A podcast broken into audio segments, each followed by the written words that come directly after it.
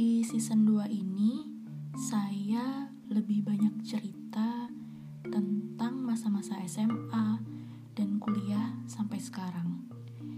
SMP bisa dibilang nggak ada kejadian yang aneh-aneh karena mungkin waktu itu six sense-nya ketutup. Ya normal-normal aja kayak anak SMP biasa. Jadi sepertinya memang harus ada pemicunya. Mungkin seperti tempat dan lingkungan.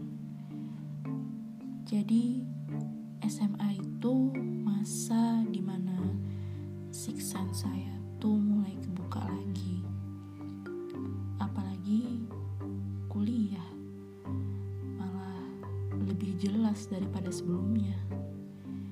Jadi, tetap stay tune untuk mendengarkan cerita-cerita saya yang lainnya. See you.